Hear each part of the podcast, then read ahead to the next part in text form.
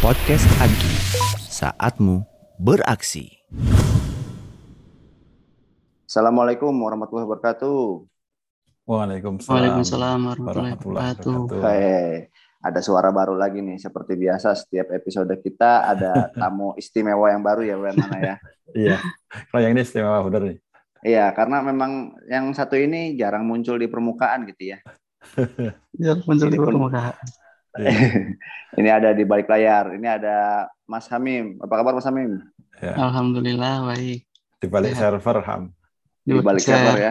Nah, Jadi buat para pendengar yang belum tahu nih Mas Hamim ini yang ada di balik Agi Coin kita, Amalia First kita, bahkan Amalia.id ini yang mindah-mindahin server yang bikin server kita selamat itu ya dari gempuran-gempuran para pengunjur ya ini Mas Hamim ini orangnya gitu. sebenarnya Karena nggak cuma bu- bikin server aman dari pengunjung sih. Bikin server mati juga bisa, Mas. oh iya bisa ya. ya ya ya ya. Tiba-tiba lah kenapa mati lagi pendaftaran gitu ya. Ya, itu kan sesuai dengan hashtagnya Agi. Agi itu lab buat coba-coba ya. Tapi ngom- ngomong-ngomong emang Mas Hamim itu sekarang atau kemarin-kemarin ini di Agi ngerjain apa aja sih Mas Hamim? Atau pertama kali ikut Agi itu kapan? Oke, jadi aku ikut AGI itu awal 2018 ya kalau nggak salah. Soalnya kan masuk Astra itu 2017 akhir. Terus 2018 diajak Mas Bagus untuk coba join AGI gitu. Nah, pertama Hmm. kali planning cycle itu di Aston di Ancol kalau nggak salah. Nah, Mas Bagus cerita aku pernah mainan Raspberry, mainan Arduino.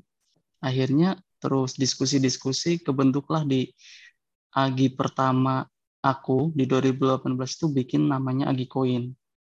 Tapi pada saat Hmm. itu Agi Coinnya tuh masih pakai kartu gitu loh.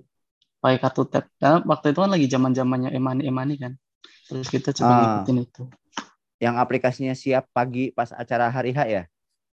Eh, pas hari hanya malah pas siangnya. Iya. Iya, pagi-pagi pas hari H-nya itu kan ya, yang Iya. baru oke siap gitu ya aplikasinya. Mantap. ya bener-bener nyobain ideation dan bener-bener baru bisa siap dipakai di hari H-nya gitu ya. Itulah Agi ya. Serunya gitu. Tapi hasilnya luar biasa ya. Itu yang pas tuker-tukeran botol juga ya. Oh, yang pas ngetep terakhirnya buat uh, undian yang ngantri Undian itu ya sampai umroh. keluar-luar ya. Kemudian umroh waktu itu. Mm, mm.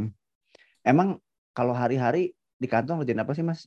Sekarang pakai IoT, pakai eh sorry ngomongin RFID, ngomongin tadi eh, apa namanya Arduino. Di kantornya bikin apa microcontroller atau ngapain Mas? Sebenarnya kalau di kantor yang sekarang malah sebenarnya nggak terlalu relate sama yang teknologi-teknologi itu tadi ya. Justru waktu dulu zaman kuliah, terus habis itu di kantor Hmm. yang sebelumnya tuh di Semarang, ya lumayan banyak lah ngulik terkait RFID, Arduino, Raspberry juga pakainya pertama kali di situ di production gitu. Kalau di kantor sekarang sebenarnya ya paling dikit-dikit, tapi lebih ke relate teknologi yang sekarang ya. Kalau yang ke Agicoin terus eh ya pokoknya Agicoin yang dulu itu eh, nggak relate Ada hardware-nya gitu ya. Yang ada hardware-nya. Heeh. Agicoin tadi awalnya dari yang fisik gitu ya. Terus eh, yang tadi mainan Arduino di pabrik karena ilmu di pabriknya dipakai, terus sekarang mulai pindah nih sampai ke ujung-ujungnya si Agicoin itu terakhir bisa connect sampai ke Amalia First ya, produk kita yang terakhir itu ya. Iya. Nah, itu em- emang di kantor ada juga tuh mainan eh, 3D, mainan VR. Kalau mainan 3D kebetulan di kantor juga nggak ada sih, tapi salah satu kantor ya ada implementasi 3D 360 gitu tapi pakai vendor. Tapi kan ya bisa lah kita Ah. pelajari. Akhirnya kita tahu tools yang dipakai, kita coba ngulik sehari dua hari. Ya, oh ternyata dapat cara implementasinya kayak gini. Berarti cuma sehari Ah. dua hari Ham. Dari dua hari. Kayaknya besok Tengah coba hari waktu itu Mas Hamim- lagi planning Mas di coba Bogor ini kali Pak. Nyobain dapur challenge kali Pak. Biar nguliknya agak lama dikit Pak. Jangan dapur dong. Kayaknya kalau teknologi apa pun juga jadi gitu ya. Dari dari pengalaman yang si 3D, kemudian lagi koin fisik, dulu juga lagi koinnya masuknya di web gitu ya sebelum ada yang Amalia First. Yang paling seru, yang paling berkesan yang mana tuh atau pas implementasi apa Mas Amin? Sebenarnya kalau yang berkesan tetap biasanya yang pertama ya. Yang pertama ya dahsyat itu. ah, yang hardware itu emang lebih eh, berkesan sih. Karena di di situ kan kita dulu kayaknya ngerjain tuh cuma beberapa orang atau bahkan sendiri ya. Dari beli Hmm, dulu sama Rohmat di eh, beli sendiri terus ngerakit sendiri terus habis itu bikin software firmware-nya di Arduino-nya sendiri. Ya itu lumayan lah. Sampai akhirnya kepake juga ada orang yang dapat umroh tapi pakai alat itu gitu kan maksudnya walaupun Hmm. sebagai media tapi ya berkesan juga lah gitu Ya, ya itu memang memang tegangnya bikin iya tegangnya juga lumayan Waduh, mantap itu pokoknya. Memang pengalaman bener-bener. Kita kita pun yang yang bukan yang ngerjain langsung gitu ya, sebagai pemanfaat alatnya merasakan ketegangannya luar biasa. Belum baterainya habis lah segala macam ya, karena memang masih prototype gitu. Tapi di tahun kedua itu sukses besar sih kalau menurutku. Iya, Kak, betul. Karena semua pelajaran eh, kan biasanya gitu, Pak Agi. Tahun pertama ancur-ancuran karena kita trial, bukan ancur-ancuran karena penuh kejutan gitu ya bahasanya Mm-mm. penuh kejutan. Tahun kedua tuh melejit itu apa bombastis. Nah, tahun ketiga nyari lagi yang bisa dia, bisa bikin kejutan-kejutan gitu ya. Selalu begitu tuh. tapi Jadi di tahun kedua udah- juga di tahun kedua juga ada pelajaran An- baru kan yang Hmm, betul, nampilin betul, data betul. di monitor itu itu kan juga Ya, ada ya. gagal-gagalnya juga tuh di beberapa ya. lantai tuh nggak jalan Ya. Ya, yang ngetap ngetap itu ya. Seru banget ya. Ini berarti tadi udah udah sampai ujungnya adalah di eh, Amalia First gitu ya. Eh, bahwa Agikoinnya nyambung dengan kita tracking di Amalia First. Nah, sekarang ngomongin di 2023 nih, kita mau ngapain Mas Amin? Apalagi ini mau diulik? Sebenarnya kalau Agicoin pasti tetap ada ya mungkin kalau ngulik-ngulik hal baru ya bisa jadi kita mengarah ke teknologi-teknologi lain sih yang mana mungkin bermanfaat buat eh, banyak orang gitu atau Hmm, banyak hmm, komunitas hmm. di Agi kan juga bisa jadi Berarti komunitas, kita ngomonginnya orang ya. Komunitas kita yang paling dekat sama Agi ya DKM DKM ini gitu ya. DKM. Nah, sekarang manfa- manfaat sekarang kan lagi rame nih di Astra itu masalah sustainability gitu ya, digitalisasi, apa SDG apa ya? Ya. Itu lagi rame banget di mana-mana di tempat saya gitu ya di AHM itu. Ya. ESG gitu ya. Yes, sih. ESG, sampah, air, listrik, itu lagi Hmm. di bener-bener diplototin gimana caranya kita eh, melakukan penghematan ya ujung-ujungnya sustainability gitu ya karena memang apalagi kita lingkupnya Astra Group gitu ya udah ngomong oh udah gede banget. Apalagi banyak kita selain kantor ada industri eh udah lengkap deh di Astra ini. Nah apa yang kita bisa eh, ulik ya dari sisi DKM tapi tadi SDGs-nya dapat kemudian ya tadi ujung-ujungnya adalah unsur kebermanfaatan ya. Agi kan pasti maunya ke sana ya.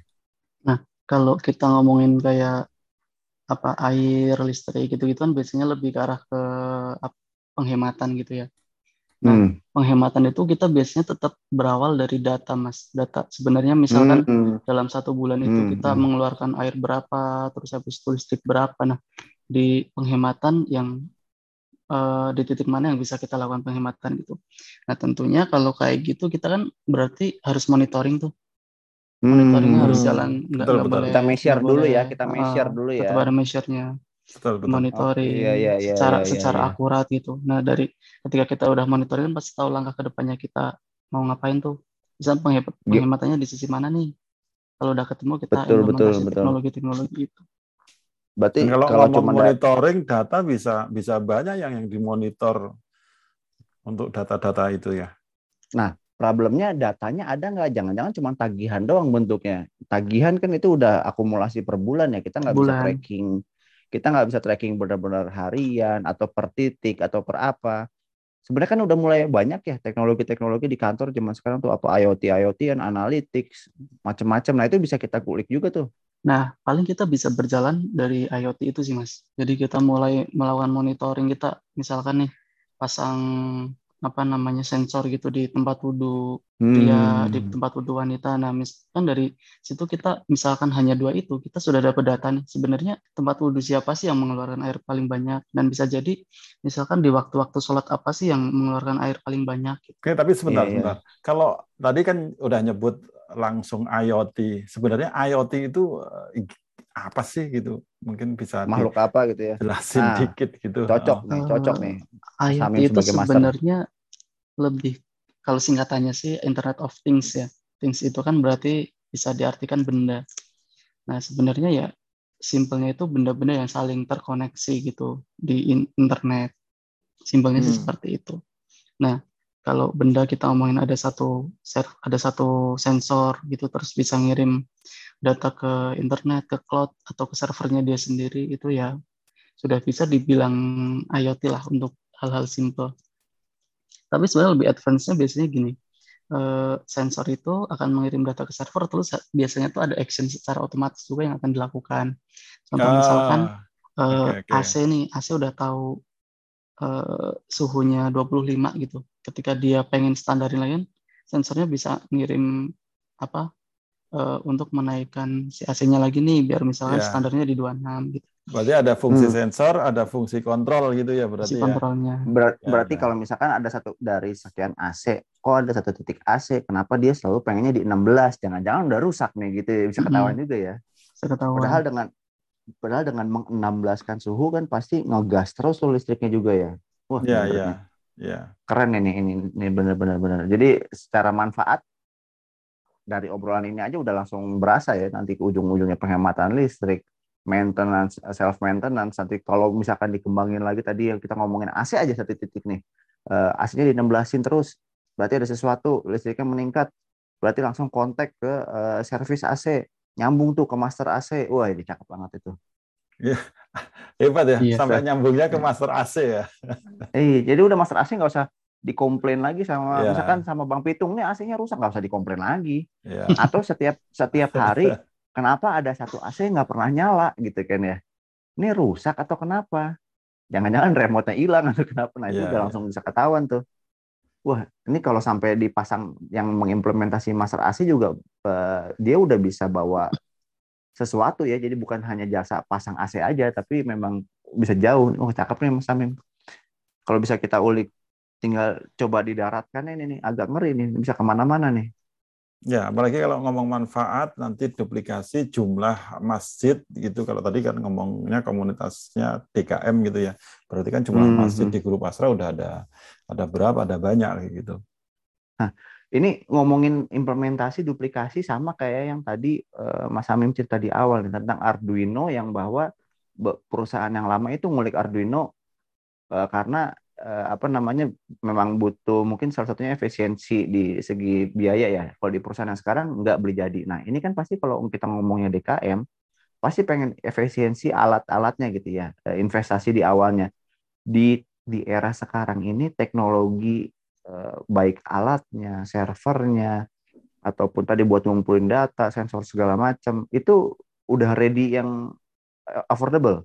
Eh, sekarang sebenarnya udah ready sih ngomongin affordable eh, ya affordable banget sekarang ya bahkan misal Hmm. eh, untuk harga misal kita ngomongin Internet of Things kan pasti ada namanya server nih server bisa di cloud maupun kita bikin sendiri gitu Hmm, bikin hmm. sendiri di, Hmm, di hmm, di lingkungan yang sama gitu tapi kebanyakan sebenarnya sekarang pada nyimpennya di cloud sih bahkan cloud itu sekarang harganya tuh lebih eh, ya lumayan terjangkau lah kalau untuk Hmm. komunitas DKM gitu Ini kalau kita ngomongin device, ujung-ujungnya biaya. Nah ini kalau kita mau tebak-tebakan, tebakan kita kira-kira buat implementasi ini bakal butuh biaya berapa? Udah kebayang belum Mas Amin? tapi sebenarnya kalau ngomongin biaya kan beda tempat pasti beda biaya tergantung Betul, kita kita ngomongin Masjid Astra deh misalkan. Masjid Asra, oke. Kalau Hmm. kita ngomong Masjid Asra, misalnya kita akan monitoring air, monitoring Monitor Eh, air, as- listrik. eh, AC, listrik Kalau- ya, betul ya. kalau AC mungkin lebih ke arah terlalu jauh ya. eh yang kebayang dulu deh, yang Mas Hamim bisa kebayang.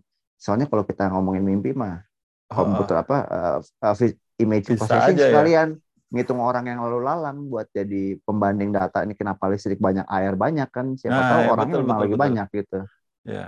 Tebakan kasar aja Mas Hamim Kalau ngomongin biaya sebenarnya kan ada beberapa sisi yang akan perlu kita hitung ya. Mm-mm. Pertama di sisi sensornya, terus habis. Sensor itu di pertama. sisi mungkin ada satu controller di Masjid Astranya. Terus habis itu yang ketiga pasti kita akan ngomongin server. Nah, terus eh, alat-alatnya ya, alat-alat itu baik controller maupun yang di sensor-sensornya. Nah, kalau sensor aja untuk satu titik sebenarnya sekarang udah eh, lumayan murah sih hitungannya. Tapi kita ngomongin pakai sensor yang asli ya, karena kan eh, di luaran itu sebenarnya banyak menjual eh, yang menjual sensor yang sama, misalkan sama-sama sensor air, tapi ada yang asli dan ada yang kompatibel. Kompatibel itu biasanya ya secara fungsi sama, secara bentuk sama, eh, tapi mungkin itu rakitan dari eh, orang lain gitu, karena kan Hmm. kalau sensor-sensor yang kita nyebut aja langsung spesifik Arduino gitu. Ya, Nah, ya. kalau yang produk-produknya nyambung sama Arduino biasanya kan itu open source tuh, source dari entah komponen listrik, eh, komponen listriknya itu kan pasti dibuka secara bebas. Biasanya itu tetap ada yang bikin eh, perusahaan-perusahaan yang bikin gitu di luar Arduino. Nah kalau kita ngomongin asli, kalau untuk satu titik sih sebenarnya eh, lumayan ya. Mungkin kalau satu titik sensor bisa 200 ribuan. Itu untuk sensornya Yo. aja. Dikirain lumayan tuh 3 juta gitu. 200 ribu ribuan. Murah berarti Ya lumayan murah maksudnya. Bukan lumayan mahal. Tapi kan kita Iya, iya, pas- iya. eh, pasti perlu beberapa, Beberapa titik kan. ya betul. Dikalikan. Iya, ya banyak. tinggal dikalikan aja lah. Hmm. Terus, kalau Terus controller sensor. Kontrol controller ini Ya. berarti yang buat ngebaca dari Arduino gitu yang mengolah jadi data yang gitu ya. mengolah di satu ekosistem gitu. Misalnya kita Oke, nyebut aja ekosistem Masjid Astra Masjid gitu. Nah, oke. itu ada beberapa hal yang kita bisa pakai sih. Bisa kita bisa pakai misalkan komputer. Hmm. Kalau komputer kan kita eh, mungkin akan terlalu apa namanya mahal Heavy. gitulah ya. Walaupun Hmm. sebenarnya itu penggunanya juga nggak terlalu butuh resource yang gede karena sekedar eh, ngolah data-data kecil. Pakai IoT NUC kan aja pakai NUC, pakai NUC. pakai NUC itu juga termasuknya masih Kegedean. lumayan mahal sih. Hmm, pakai ini Nah, Raspberry. Biasanya kita lebih eh, prefer pakai Raspberry, apalagi sekarang kan ada Raspberry 4 tuh. Yang Ya, speknya juga udah lumayan Canggih ya powerful, betul. cang- Dan gede-gede bisa gitu. expandable ya, Iya, benar-benar dan bisa dikembangin. Oh, Raspberry cukup ya, Mem ya? Eh, kalau kita ngomonginnya Raspberry 1, 2, 3 mungkin kurang ya, karena dia kan terbatas speknya tuh Pak. Kalau yang Mm-mm. 4 itu sekarang eh, udah lumayan tuh, speknya tinggi-tinggi. Iya, bisa diarai dijad- lagi, Pak. Bi- iya benar. Di apa nah cluster, dibikin cluster gitu. Asik Nah bener-bener itu nih teknologi tuh. Jadi satuannya harganya di bawah 2 Aduh. juta. 2 juta tuh biasanya udah paket komplit yang banget ya tuh. yang udah box, yang udah segala udah, macam udah udah. kita tinggal pakai, tinggal colok doang. Hmm, Iya, iya, iya. Nah, Wah, udah biasanya bungkus lah tuh. ke arah situ. controller. Eh, Tapi biasa ah, abis berarti kan tadi nih, abis eh, eh, sensor, controller, kemudian cloud-nya udah gratis, ngolah datanya nanti kita pakai apa? Eh, kan kalau misalkan kita ngomongin di kantoran gitu ya, ada data lake dulu, kemudian apa data miningnya pakai eh, apa namanya cube-cubean gitu. Nah kita main, ngolah datanya kan nggak mungkin kan orang ngebaca hasil sensornya itu tuh dari ngolah data sampai jadi bentuk visual yang bisa dikonsumsi mudah.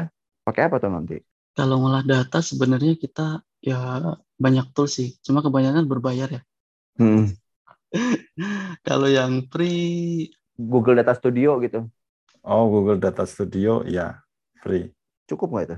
Eh, visualisasi datanya kalau kalau datanya sudah ada sebenarnya bisa divisualisasi data ke amelia.id juga kan Ham.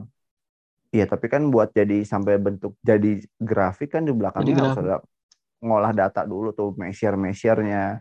Data ini ketemu data ini, data ketemu data ini dikawinin baru jadi eh, buat perhitungan di belakangnya sebelum nampilin data. Nah, itu kita pakai apa tuh? Kalau datanya sederhana eh, hanya dikelompokkan per hari atau per bulan atau minggu gitu sih sebenarnya chartnya di amalia.id mungkin cukup Ham.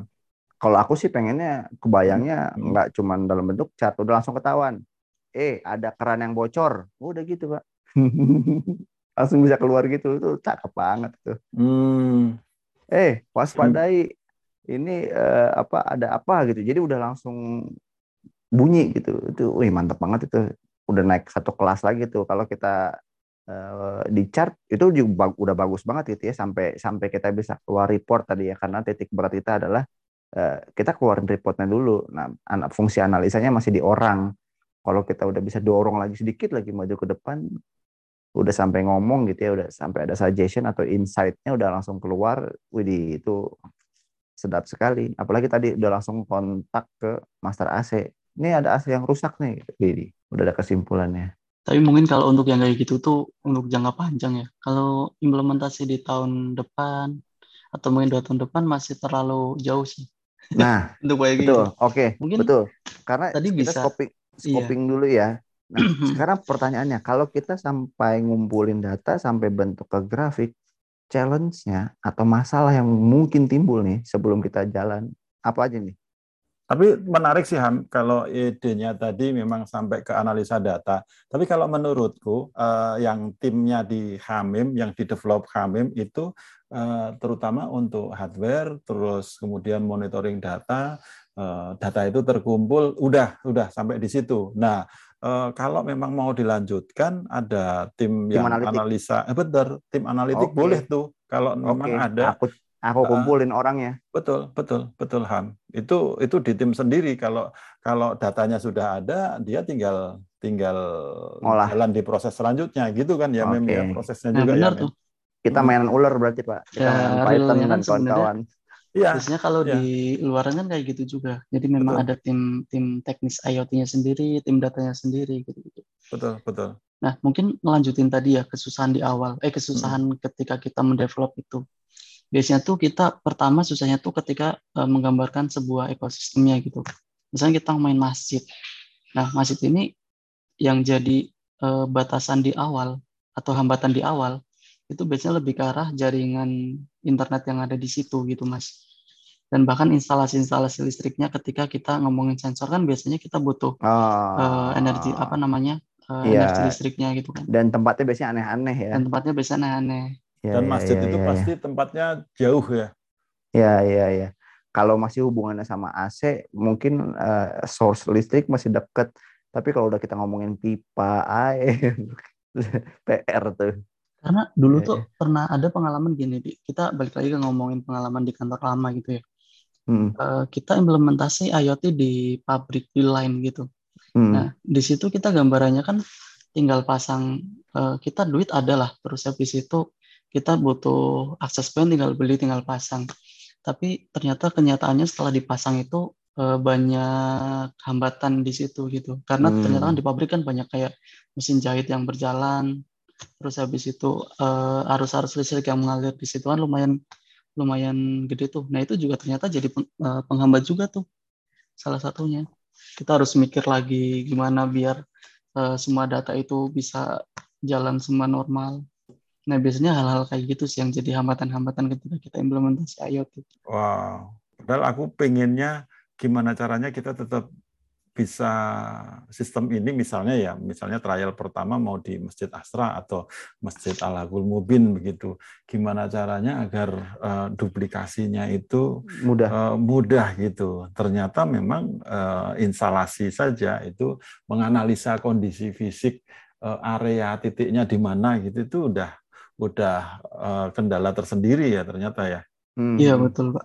Jadi kalau duplikasi itu biasanya kita lebih ke tools-nya ya. Tapi kalau terkait Mm-mm. infrastruktur, tempatnya itu kayak gimana tuh tetap harus kita tinjau ulang.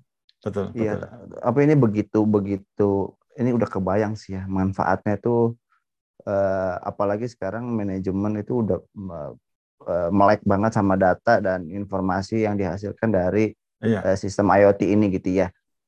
Ini sih kalau kita jalan aja ya, kita nggak usah ngomongin udah tadi udah bisa jauh sampai ngeluarin informasi dan analytics ya. Kita sampai jalan datanya kekumpul, jadi akhirnya bisa memonitor. Ini sih yakin kebeli sih. Dan kemungkinan besar memang bakal diimplementasi dan bahkan kita mungkin dapat support dari manajemen untuk mengimplementasi ini di perusahaan-perusahaan gitu ya. Apalagi masjid itu titik non industrial apa ya non production yang mengeluarkan air paling banyak mungkinnya gitu ya karena Iya. uh, wudhu di samping toilet gitu ya. Nah itu kan kita potensi tadi duplikasi, saya sih optimis ya gitu ya. Ini bakal bisa Iya. bisa bisa jadi Iya. besar gitu. Dan kalau untuk dukungan ataupun kita bicara tentang biaya, sebenarnya malah masjid itu termasuk yang uh, pembiayaan pendanaannya itu sebenarnya mandiri, mandiri. iya, ya, betul. Dari jamaah, dari uh, kita juga uh, amanah astra itu juga pasti bisa balik di situ. Mereka akan akan bisa apa ya istilahnya jual ke jamaah untuk uh, kita mandiri untuk pendanaan program ini itu juga juga sangat mungkin sih sehingga kalau kalau urusan biaya sih sebenarnya relatif relatif tidak ini ya bukan ya. isu. Ini malah masalahnya uh, teknis di kita sendiri sih. Tadi seperti yang disampaikan Hamim tadi uh, untuk analisa kondisi fisik naruh sensornya di mana saja terus kemudian mungkin prototyping awal kita itu uh, bagaimana itu tuh malah tergantungnya ada di uh, proses di kita nih ini agak-agak ngelantur sedikit, cuman tiba-tiba jadi kepikiran gitu ya. Eh, di kantor saya tuh ada problem di mana kipas angin habis badai Isa itu pada nggak dimatiin gitu ya. Dengan hmm. IoT ini gampang banget ya. Nah, ya. gampang ya. banget, gampang banget. Dan untuk matiin, untuk kontrol juga mungkin juga ya, iya. Iya, tinggal sensor sensor orang, sensor gerak begitu. Ini nggak ada udah iya. teruk mati, mati semua selesai. Iya sensor orang, sensor gerak, sensor waktu, mungkin. Iya. Uh, cakep ya. Saya sih kalau ngelihat di toilet sering ya di mall apa di mana tuh udah banyak tuh yang udah udah oh, mulai nah, pakai ya. Itu juga.